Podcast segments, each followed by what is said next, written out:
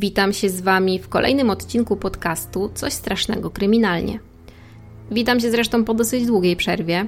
Trochę czasu mnie tutaj nie było, ale już wracam i mam też nadzieję, że powracam do takiego regularnego publikowania odcinków, bo nie ukrywam, że trochę mi tego brakowało.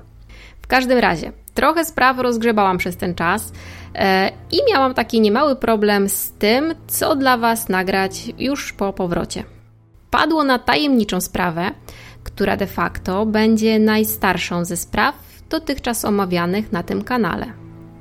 Mam nadzieję, że przypadnie Wam do gustu i pomimo tego, że będzie trochę inna niż te, do których Was przyzwyczaiłam, to mam nadzieję, że odnajdziecie się też w tym klimacie. Nie przedłużam i zapraszam na odcinek o upalnych nocach, podczas których dochodziło do brutalnych napaści na zakochanych parach, celebrujących upojne chwile we dwoje. Mam nadzieję, że ten wstęp Was zachęcił, więc nie przedłużam i zapraszam.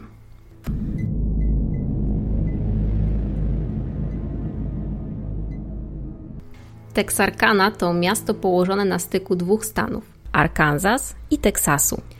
Miejscowość w latach 40. XX wieku była uważana za taką dość niebezpieczną okolicę. Różne zbrodnie, takie jak rozboje, napady, napaści, zdarzały się dosyć często i raczej nikogo na tyle nie szokowały. To się zmieniło dokładnie w 1946 roku, kiedy doszło tam do serii tak brutalnych napaści, że zwróciły one uwagę lokalnej społeczności, prasy, a także władz. Pierwsza z nich miała miejsce 22 lutego 1946 roku. Para młodych ludzi, 25-letni agent ubezpieczeniowy Jimmy Hollis i jego dziewczyna, 19-letnia Mary Jane Larry, wybrali się na podwójną randkę, w której uczestniczyli również brat Jimmy'ego, Bob, i jego partnerka. Pary część wieczoru spędziły w kinie, a po filmie Jimmy zaproponował wspólną przejażdżkę autem. Bob i jego dziewczyna upierali się jednak, żeby nieco szybciej wrócić do domu i pary postanowiły się rozdzielić. Bob wraz ze swoją partnerką wysiedli wcześniej i wrócili do domu tak jak planowali, a Jimmy i Mary Jane wybrali się na samochodową przejażdżkę. Kierowali się w stronę domu dziewczyny, ale postanowili nieco zboczyć z trasy, aby w aucie kontynuować ten miły wieczór. Zatrzymali się na jednej z takich bocznych, nieutwardzanych dróg, która znajdowała się niedaleko miejskich zabudowań. Zresztą takie miejscówki były w tym okresie dość popularne i dosyć często wybierane przez właśnie nastolatków czy młode pary. Nazywano je nawet alejkami zakochanych, a młodzi ludzie mogli właśnie tam, powiedzmy, w spokoju spędzać swoje samochodowe randki. Nie inaczej było właśnie w przypadku Jimiego i Mary. Ich samochodowa randka nie zdążyła się jednak rozkręcić, bo po około kwadransie ktoś podszedł do auta i zaświecił w okno od strony kierowcy. Oślepił w ten sposób parę, która nie była w stanie rozpoznać e, tej osoby, która podeszła do samochodu. Jimmy i Mary nie przestraszyli się jednak. Pomyśleli na początku, że to albo policjant, który chce sprawdzić, co oni tam robią, albo być może jakiś żartowniś, który chce w ten sposób ich nastraszyć, przestraszyć. Po chwili jednak mężczyzna nakazał parze wysiąść z samochodu. Mary i Jimmy zauważyli, że mężczyzna ma na głowie białą materiałową maskę, w której wycięte były otwory na oczy i na usta. I właśnie wtedy para przestraszyła się już nie na żarty, bo okazało się, że mężczyzna w masce trzyma w rękach nie tylko latarkę, ale także pistolet wycelowany właśnie w ich stronę. Napastnik nakazał im robić to, co powie. Zapewnił też, że jeżeli będą posłuszni, to nie zrobi im krzywdy. Mężczyzna, nadal celując w parę, nakazał Jimiemu ściągnąć spodnie. Przerażony chłopak trochę oponował, ale zaczął się rozbierać, zaczął ściągać spodnie. Gdy to zrobił, napastnik podszedł do niego i mocno uderzył go w głowę. James upadł na ziemię nieprzytomny, a samo to uderzenie było tak silne, że Mary pomyślała, że jej chłopak został zastrzelony. Właśnie wtedy napastnik zwrócił się do przerażonej dziewczyny. Podszedł do niej, uderzył ją, ale później zrobił również coś, co ją bardzo zaskoczyło. Nakazał dziewczynie uciekać. I Mary, niewiele myśląc, zaczęła biec. Biegła ile sił w nogach, ale mężczyzna w masce jednak jej nie odpuścił. Zaczął ją gonić, dogonił ją, przewrócił na ziemię i próbował zgwałcić. W tym samym czasie ogłuszony y, Jimmy odzyskał przytomność i próbował wezwać pomoc. Ogłuszonemu mężczyźnie udało się zatrzymać jeden z przejeżdżających w pobliżu samochodów i to prawdopodobnie spłoszyło napastnika, który zostawił Mary i uciekł. Na miejsce zdarzenia od razu wezwano służby, a parę przewieziono do szpitala. Podczas y, badania opatrywania ran okazało się, że obrażenia Jimmy'ego są bardzo poważne. Miał pękniętą czaszkę. Spędził na oddziale blisko dwa tygodnie. Mary również została zatrzymana na szpitalnej obserwacji. Para oczywiście została także przysłuchana przez policjantów, ale z uwagi na, no jak już wspominałam wcześniej, dużą przestępczość w tym regionie, a także na fakt, że napastnik miał na sobie maskę uniemożliwiającą jego rozpoznanie, sprawa nie zrobiła na lokalnej społeczności wielkiego wrażenia. Potraktowano ją raczej jako jeden z wielu przypadków takich właśnie napaści, jakie często zdarzały się w Teksarkanie. I pewnie wszystko zakończyłoby się właśnie na tym etapie, gdyby nie kolejna tajemnicza napaść, która wydarzyła się miesiąc później. Do tego zdarzenia doszło dokładnie w nocy z 23 na 24 marca 1946 roku. Kolejna para zakochanych, 29-letni Richard Griffin, e, notabene weteran wojenny, który po wojnie został stolarzem, e, i jego ukochana, 17-letnia Polly Ann Moore, spędzali wieczór razem z siostrą mężczyzny, Eleonorą i jej chłopakiem. Zjedli wspólną kolację, a następnie Richard i Polly, mniej więcej około godziny 22, wybrali się na przejażdżkę samochodową. Ta również zakończyła się postojem na jednej z bocznych i mało uczęszczanych dróg. To było miejsce, które dosyć często było wybierane przez pary poszukujące takiego właśnie ustronnego zakątka i doczekało się swojej własnej nazwy Aleja Kochanków. Richard i Polly spędzali więc miłe chwile, które jednak przerwało nadejście niespodziewanego intruza. Tym razem jednak napaść była dużo bardziej brutalna. Zamaskowany mężczyzna postrzelił Richarda w tył głowy, a następnie w taki sam sposób zabił jego partnerkę, Polien. Ciała kochanków zostały znalezione nad ranem. Mieszkańców zaniepokoił bowiem pozostawiony samochód, a gdy zbliżyli się do niego i zajrzeli do środka, zauważyli zamordowaną parę. Ciało mężczyzny znajdowało się na przednim siedzeniu wozu, a zwłoki dziewczyny leżały na tylnym siedzeniu auta. Wezwana na miejsce zbrodni policja zauważyła, że kieszenie w spodniach Richarda są wywrócone na lewą stronę i opróżnione. Założono więc, że motywem zbrodni był rabunek. Pojawiły się także wątpliwości co do tego, gdzie zamordowano Polly N. Przed samochodem znaleziono bowiem rozłożony koc, na którym odkryto ślady krwi. Jedną z policyjnych teorii było więc to, że dziewczyna została wyciągnięta z auta i postrzelona, a następnie zabójca wrzucił jej ciało na tył samochodu. Śledczy ustalili także, że do pary strzelano z pistoletu Colt kaliber 32. Niestety, funkcjonariuszom nie udało się zabezpieczyć żadnych śladów. Te zostały zmyte przez padający w nocy deszcz. Podobieństwo do zbrodni popełnionej miesiąc wcześniej skłoniło śledczych do powiązania obu tych przypadków. Rozpoczęto poszukiwania świadków, rozpytywano okolicznych mieszkańców. Niestety, tak jak już wspominałam, Texarkana to nie było najbezpieczniejsze miejsce do życia. I pomimo trwających przesłuchiwań, podczas których rozmawiano z około setką osób, nie znaleziono niczego, co mogłoby doprowadzić policję na trop zabójcy. Drugi atak i zabójstwo młodych ludzi sprawiło też, że mieszkańcy zaczęli interesować się tą sprawą.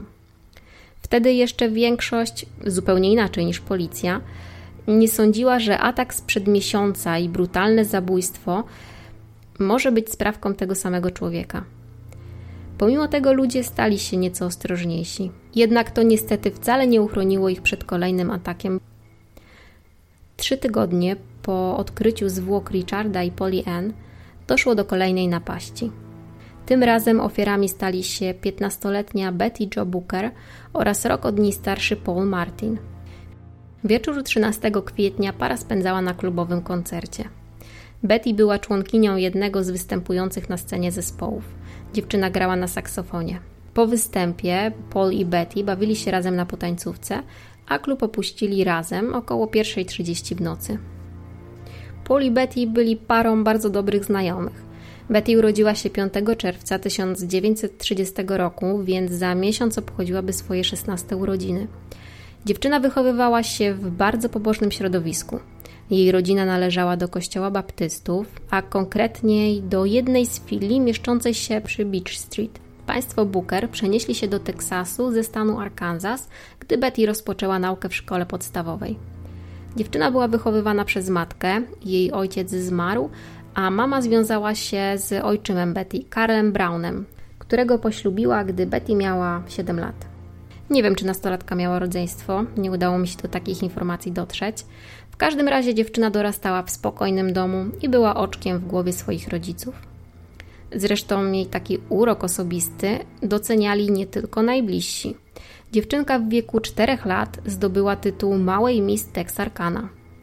Była też zdolną uczennicą, uczęszczała do Texas High School i była tam jedną z takich najpopularniejszych dziewczyn, szkolnych gwiazd. Przypowiadano jej zresztą wielką karierę, bo była bardzo uzdolniona muzycznie i chętnie występowała na scenie. Była także saksofonistką zespołu Wright Myers. Grupa często występowała podczas szkolnych imprez czy właśnie potańcówek w klubach.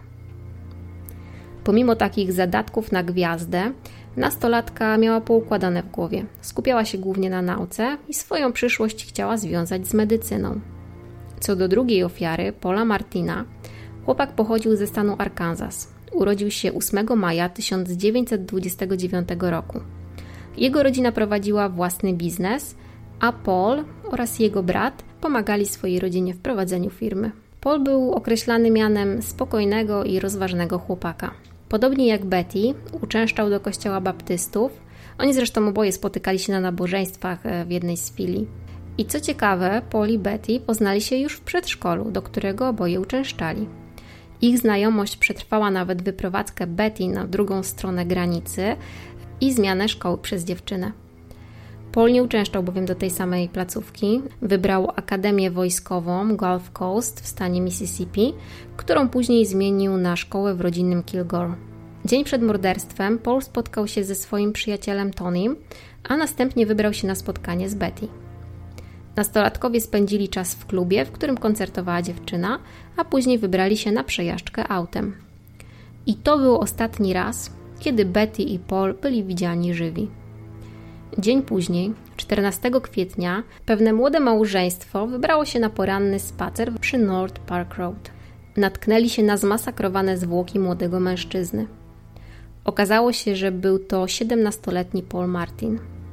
Chłopak zginął od ran postrzałowych, ktoś strzelił do niego aż cztery razy.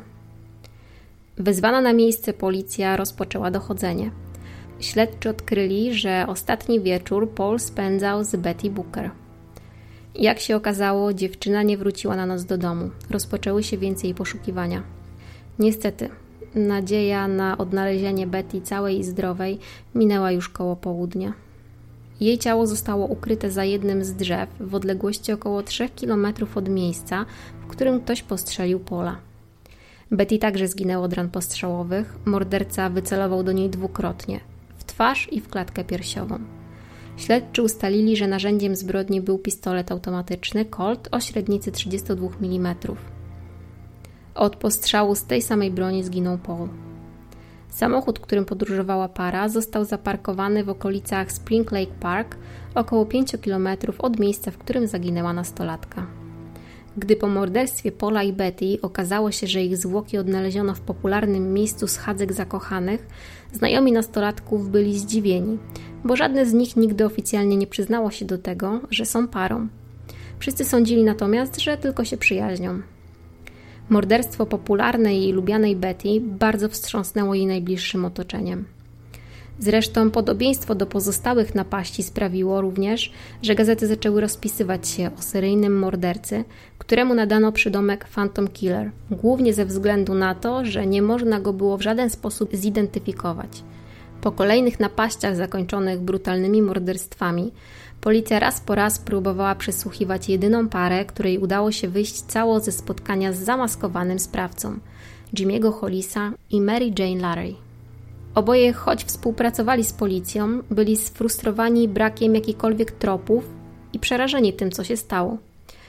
Mary Jane przeprowadziła się do miasta Frederick w stanie Oklahoma i zamieszkała tam ze swoimi krewnymi, państwem Logan.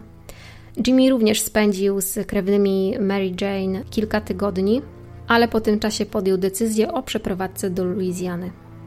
Natomiast w Teksarkanie rozpoczęła się prawdziwa psychoza strachu przed tym zamaskowanym zabójcą. Do mieszkańców dotarło, że ostatnie napaści to nie jest tylko zwykły zbieg okoliczności. Atmosferę grozy podsycała także lokalna prasa, która wciąż pisała o tajemniczym i brutalnym mordercy. Policja próbowała odnaleźć osobę odpowiedzialną za dokonanie zbrodni, ale pomimo wysiłków wciąż nie odkryto niczego, co mogłoby w jakikolwiek sposób pomóc w zidentyfikowaniu sprawcy. W sprawę zaangażowani byli zresztą najlepsi śledczy. Jako pierwsi na miejsce napadów wzywani byli śledczy William Presley i Jack Runnell. Po kolejnym napadzie sprawę poprowadził zastępca szeryfa hrabstwa Miller, Tillman Johnson. To on zbierał dowody, to on przesłuchiwał świadków i był tak emocjonalnie bardzo zaangażowany w tą sprawę. W pomoc przy schwytaniu Phantom Killera został zaangażowany również członek policji stanowej, który notabene dwa lata później awansował na stanowisko szeryfa policji w Teksarkanie i mowa tutaj o Maxie Takecie. Zresztą ten policjant był jak na tamte standardy taką dość specyficzną postacią, ale to właśnie dzięki temu śledczemu udało się wytypować głównego podejrzanego w tej sprawie. Jednak główną policyjną gwiazdą tej sprawy stał się jeden z Texas Rangers. Kto oglądał serial z Chuckiem Norrisem, ten wie, puszczam tutaj oko do wszystkich fanów tego serialu. Kapitan Manuel Gonzalez, nazywany także Lane Wolf, czyli samotny wilk. Poniekąd też to właśnie dzięki niemu ta sprawa zyskała tak ogromny rozgłos i stała się tak chętnie opisywana przez prasę. Kapitan Gonzales był bowiem bardzo charyzmatycznym i bardzo przystojnym mężczyzną, który niewątpliwie potrafił przyciągnąć i zatrzymać na sobie uwagę tłumu.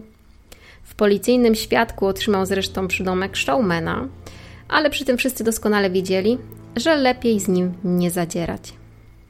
Śledczy, na których skupiła się uwaga całego miasta, szukali zabójcy nieco na oślep. Przesłuchiwano setki osób, a przez panującą i taką samą nakręcającą się spiralę strachu, wiele osób rzucało bezpodstawne oskarżenia w kierunku czy to znajomych, czy sąsiadów. Nie zabrakło również fałszywych zeznań. Krążyły plotki i pogłoski o osobach, które dobrowolnie przyznawały się do dokonania zbrodni tylko po to, by osiągnąć jakąś dziwnie pojętą sławę. Po trzecim morderstwie jedną z głównych poszlak były ślady opon samochodu pozostawione niedaleko miejsca odnalezienia ciała Paula Martina. Śledczym udało się ustalić, że ślady te pozostawił samochód mężczyzny, któremu nadano przydomek Sami. Czarny trzydziestolatek został zatrzymany przez lokalnych stróżów prawa. Nie był jednak w stanie określić, jak na miejscu znalezienia zwłok zamordowanego nastolatka znalazły się ślady opon jego samochodu. Zgodził się jednak poddać testowi na wariografię, który oblał. Pomimo tego, policja nie do końca wierzyła w winę Samiego. Mężczyzna nie pasował do profilu mordercy, miał nienaganną opinię wśród lokalnej społeczności i nigdy nie był karany. Śledczy postanowili poddać Samiego hipnozie.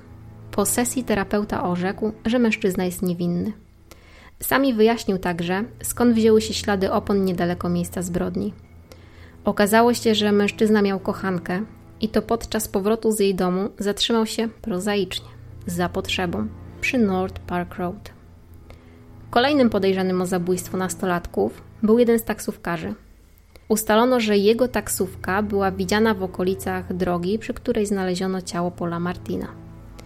Nie było jednak wystarczających dowodów na to, że mężczyzna mógł mieć coś wspólnego z morderstwem. Podejrzanym stał się także mężczyzna, którego określano mianem niemieckiego jeńca. Stał się podejrzanym po tym, jak podróżując autostopem zatrzymał samochód prowadzony przez pana Herberta Thomasa. Zaoferował kierowcy 5 dolarów za podwózkę do miasta Henderson w Teksasie. Kierowcy sprzedał historię, że jego matka jest chora i bardzo pilnie musi dostać się właśnie tam. Gdy kierowca, Herbert Thomas, niechętnie zgodził się go podrzucić, pasażer zaczął straszyć go bronią i miał mu powiedzieć, że zabije go tak samo jak młodzież z Teksarkany. Dodał również, że to nie koniec jego zbrodniczych planów i że jeszcze do miasta powróci. Po tej wymianie zdań nakazał kierowcy zawrócić i zawieźć się z powrotem do miejscowości Kilgore. Tam wysiadł z auta. Spanikowany Herbert Thomas pojechał na policję, gdzie opowiedział śledczym o całej sytuacji. Ci jednak nie sądzili, że człowiek, który bez skrupułów zabił pięć osób, byłby w stanie wypuścić żywego Tomasa, narażając się tym samym na złapanie przez policję. Śledczy nadal poszukiwali więc osoby odpowiedzialnej za zbrodnię. Pojawiali się nowi podejrzani, ale za każdym razem okazywało się, że ostatecznie nie mogli popełnić zbrodni. Przesłuchiwano m.in. znajomych Betty, Joe i Paula, a także ich rodziny. Jedną z poszlak był zaginiony saksofon, który Betty zabrała ze sobą po zakończonym koncercie. Śledczy reagowali na każdą wzmiankę o próbie sprzedaży takiego instrumentu. Wydawało się nawet, że to właśnie dzięki saksofonowi śledczym uda się dotrzeć do tego, kto zabił. Pod koniec kwietnia w miejscowości Corpus Christi w Teksasie w sklepie muzycznym pojawił się mężczyzna, który chciał sprzedać saksofon. Według zeznań sprzedawczyni, mężczyzna zachowywał się podejrzanie, był agresywny. Kobieta poprosiła, aby poczekał na kierownika sklepu, który wyceni przedmiot i oceni, czy będzie na niego zapotrzebowanie. Klient zrobił jej jednak awanturę i uciekł ze sklepu. Zdenerwowana kobieta o całym zdarzeniu poinformowała policję. Śledczy rozpoczęli poszukiwania mężczyzny. Udało się go odnaleźć dwa dni później w jednym z hoteli. Mężczyzna oprócz saksofonu miał przy sobie także pistolet, a w jego pokoju znaleziono zakrwawione ubrania. Od razu został aresztowany. Uparcie nie przyznawał się jednak do winy, twierdząc, że krew na ubraniach to wynik rany, jakiej nabawił się podczas jednej z barowych bujek. Nadzieja na to, że tożsamość Phantom Killera została odkryta, szybko się ulotniła. Po godzinach przesłuchań policja ogłosiła, że aresztowany mężczyzna został gruntownie sprawdzony i że to na pewno nie on popełnił te zbrodnie. Tymczasem nikt nie wiedział, czy Phantom Killer ponownie uderzy. Nikt nie mógł także przewidzieć, kiedy to się stanie. Jak się okazało, zrobił to trzy tygodnie po swoim ostatnim zabójstwie. Ten atak różnił się jednak od trzech poprzednich napaści.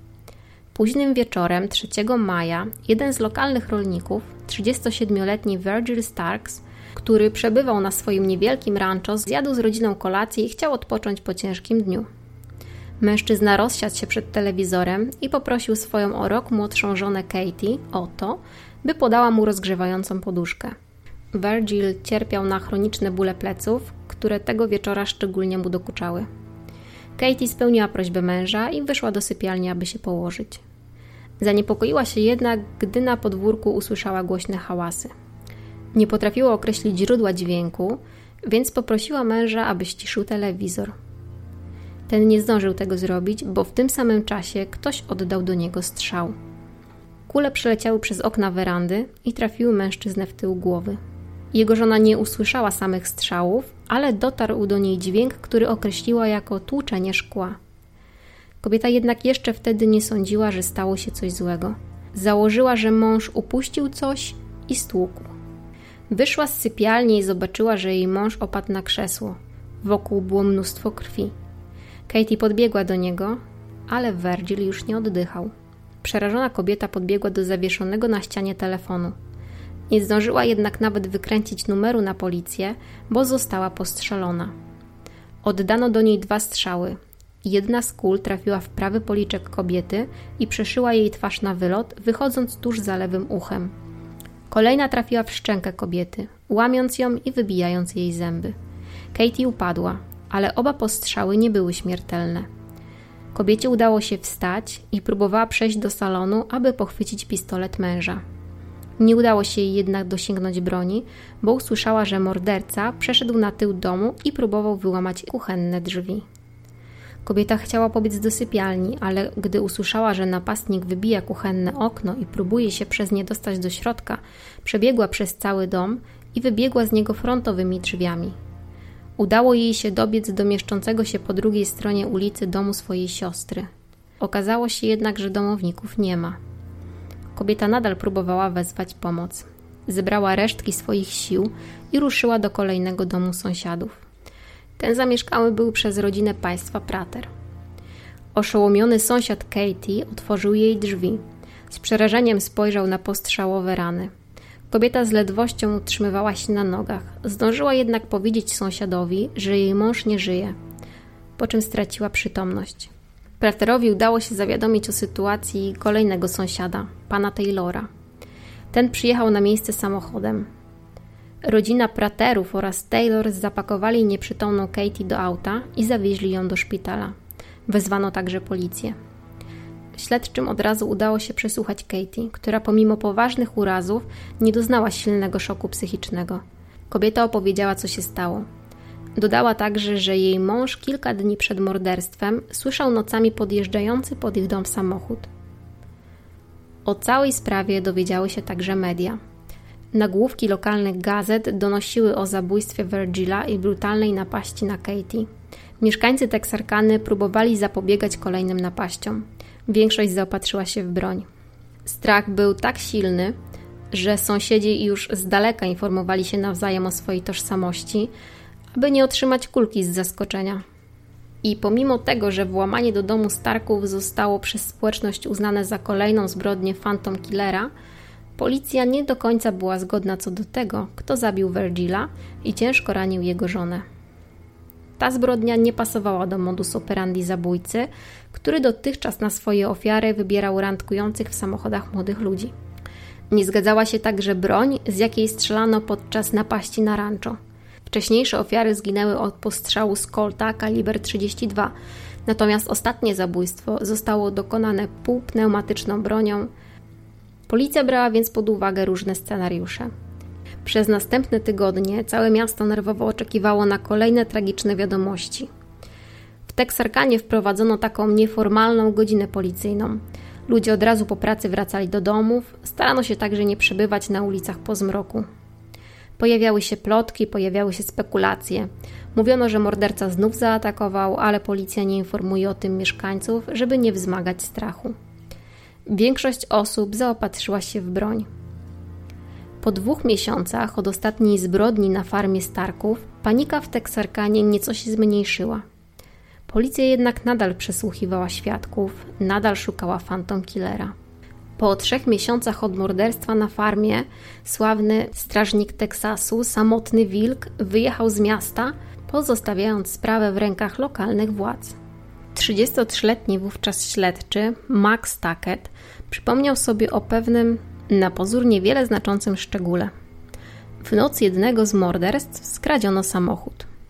Taket zainteresował się tym tematem i pod koniec czerwca udało mu się odszukać na jednym z parkingów skradzione auto. Policjant uznał, że najlepszym wyjściem będzie obserwowanie wozu. Taket liczył, że złodziej wróci po samochód, a dzięki temu uda się go namierzyć i przesłuchać. I jak się później okazało, miał rację. Przy samochodzie pojawiła się 21-letnia Peggy Sweeney. Taket aresztował kobietę i zabrał ją na przesłuchanie. Peggy, choć bardzo rozmowna, wprowadziła spory zamęt do całej sprawy Phantom Killera. Kobieta wyznała, że skradziony samochód należy do jej świeżo poślubionego męża, Juela, który aktualnie przybywa w Atlancie. Policjanci z Texarkany skontaktowali się z funkcjonariuszami z Atlanty, aby dowiedzieć się, czy nie zatrzymano tam nikogo, kto mógłby pasować do rysopisu podanego przez Peggy i związanego prawdopodobnie z kradzieżami aut. To posunięcie było prawdziwym strzałem w dziesiątkę. Policjanci z Atlanty skontaktowali Taketa z niedoszłym nabywcą skradzionego przez Juela samochodu. Ten człowiek oznajmił, że nie byłby w stanie rozpoznać osoby, która chciała przeprowadzić z nim transakcję, ale był przekonany, że ten mężczyzna doskonale go zapamiętał. Zgodził się więc na pomysł śledczego Taketa, który wymyślił, że razem z mężczyzną będą przechadzać się po Teksarkanie. Być może dzięki temu posunięciu śledczym uda się wytypować osoby, które na widok mężczyzny z Atlanty zaczną się nerwowo zachowywać. Jak się okazało, Max Tackett po raz kolejny miał nosa. Podczas spaceru z niedoszłym nabywcą skradzionego auta w okolicach dworca autobusowego Texarkany na widok pary mężczyzn jeden z mieszkańców nerwowo pobiegł w kierunku tylnego wyjścia. Zauważył to Taket, który dogonił i zaaresztował mężczyznę.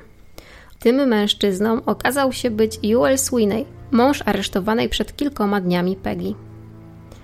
Mężczyzna nie chciał jednak rozmawiać ze śledczymi. Bardziej rozmowna była jego żona, która ku zdumieniu wszystkich wyznała, że to właśnie jej mąż jest poszukiwanym od kilku miesięcy mordercą. Niestety, śledczy nie mogli wykorzystać tego, co mówiła Peggy, ponieważ kobieta za każdym razem podawała zupełnie inną wersję wydarzeń. Jedną z ważniejszych poszlak wskazujących na to, że to właśnie Joel Sweeney był winny brutalnych napaści i morderstw, były jego słowa skierowane do śledczego Johnsona. Sweeney zapytał Johnsona, czy jego zdaniem otrzyma karę śmierci przez krzesło elektryczne. Śledczy Johnson odpowiedział, że Sweeney nie może dostać kary śmierci za kradzieże samochodów. Na co Sweeney powiedział, że mają na niego coś znacznie więcej niż tylko kradzieże aut. Również Peggy skierowała na niego podejrzenia śledczych. Przytoczyła im bardzo szczegółowe informacje, których nie mogłaby posiadać, jeśli nie byłoby jej na miejscu zbrodni. Jedną z takich informacji było m.in. to, że podczas trzeciej napaści morderca wyrwał Paulowi Martinowi książkę i wyrzucił ją w krzaki. Po dokładnym zbadaniu miejsca zbrodni okazało się, że faktycznie we wskazanym miejscu znajdowała się książka. Dodatkowym faktem działającym na niekorzyść mężczyzny było posiadanie przez Juela dokładnie takiej samej broni, jaką dokonano morderstw. Policjantom nie udało się jednak zabezpieczyć pistoletu, bo jak się okazało, Sweeney przegrał go w kości przed aresztowaniem. Juel nie przyznał się jednak do winy i nie potwierdził swojego udziału w zbrodniach. Zresztą na miejscu zbrodni śledczy nie znaleźli także żadnych śladów czy odcisków palców, które wskazywałyby na to, że to właśnie on popełnił te zbrodnie. Jego żona Peggy, choć początkowo oskarżała o morderstwo swojego męża, kilkakrotnie zmieniała wersję wydarzeń, a ostatecznie odwołała wszystko, co mówiła. W związku z tym, że nie można było ze stuprocentową pewnością stwierdzić, kto zabił pięcioro ludzi i ciężko ranił troje, sprawę zamknięto. Joel Sweeney został skazany na 10 lat więzienia za kradzieże samochodów. Z zakrat wyszedł w 1974 roku. 20 lat później zmarł. Dwa lata po dokonaniu morderstw, w listopadzie 1948 roku, sprawa napaści w Teksarkanie po raz kolejny wyszła na światło dzienne. Student Uniwersytetu Arkansas, Dudy Tennyson, popełnił samobójstwo w swoim domu w miejscowości Fayetteville w Arkansas. W jego pokoju wezwani na miejsce śledczy znaleźli odręczne notatki. Treść jednej z nich wskazywała na to, że to właśnie Dudy Tennyson popełnił zbrodnię w Teksarkanie. W notatce chłopak napisał m.in. Dlaczego odebrałem sobie życie? Cóż, kiedy popełniłeś dwa podwójne morderstwa, też byś to zrobił.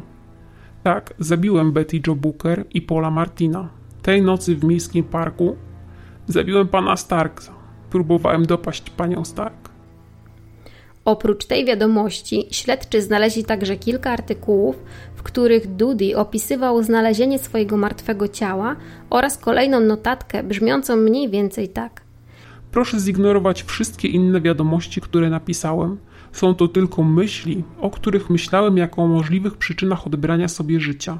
Śledczy nie byli w stanie ustalić, która z wiadomości została napisana jako pierwsza, ale po przesłuchaniu znajomych Dudiego wykluczyli go z kręgu podejrzanych. Kolega samobójcy zapewnił bowiem, że w noc zabójstwa na farmie Starków Dudi spędzał czas wraz z przyjaciółmi i całą grupą dowiedzieli się o tym, co się tam wydarzyło. Na dodatek odciski palców znalezione na miejscu zbrodni nie pasowały do odcisków Dudiego. Uznano, że napisana notatka była po prostu wymysłem chłopaka.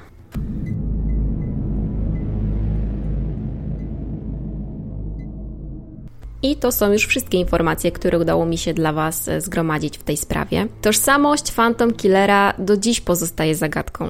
Tak naprawdę do dziś nie wiadomo, kto dokonał tych wszystkich zbrodni w Texarkanie.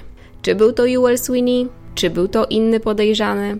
Czy może w ogóle ktoś, kogo nigdy policja pod uwagę nie brała? Jestem bardzo, bardzo ciekawa, co Wy o tym sądzicie, jaka jest Waszym zdaniem tożsamość tego nieuchwytnego zabójcy. Zresztą ta sprawa cały czas gdzieś tam żyje. Na jej podstawie nakręcono kilka filmów. One są mniej lub bardziej inspirowane tymi wydarzeniami z Texarkany, ale jednym z takich filmów, który też sama miałam okazję zobaczyć, jest bodajże Miasteczko, które bało się zmierzchu. Jeżeli ktoś lubi takie kino, to polecam sobie to sprawdzić. Jestem też bardzo ciekawa, jak Wam się podobał ten odcinek.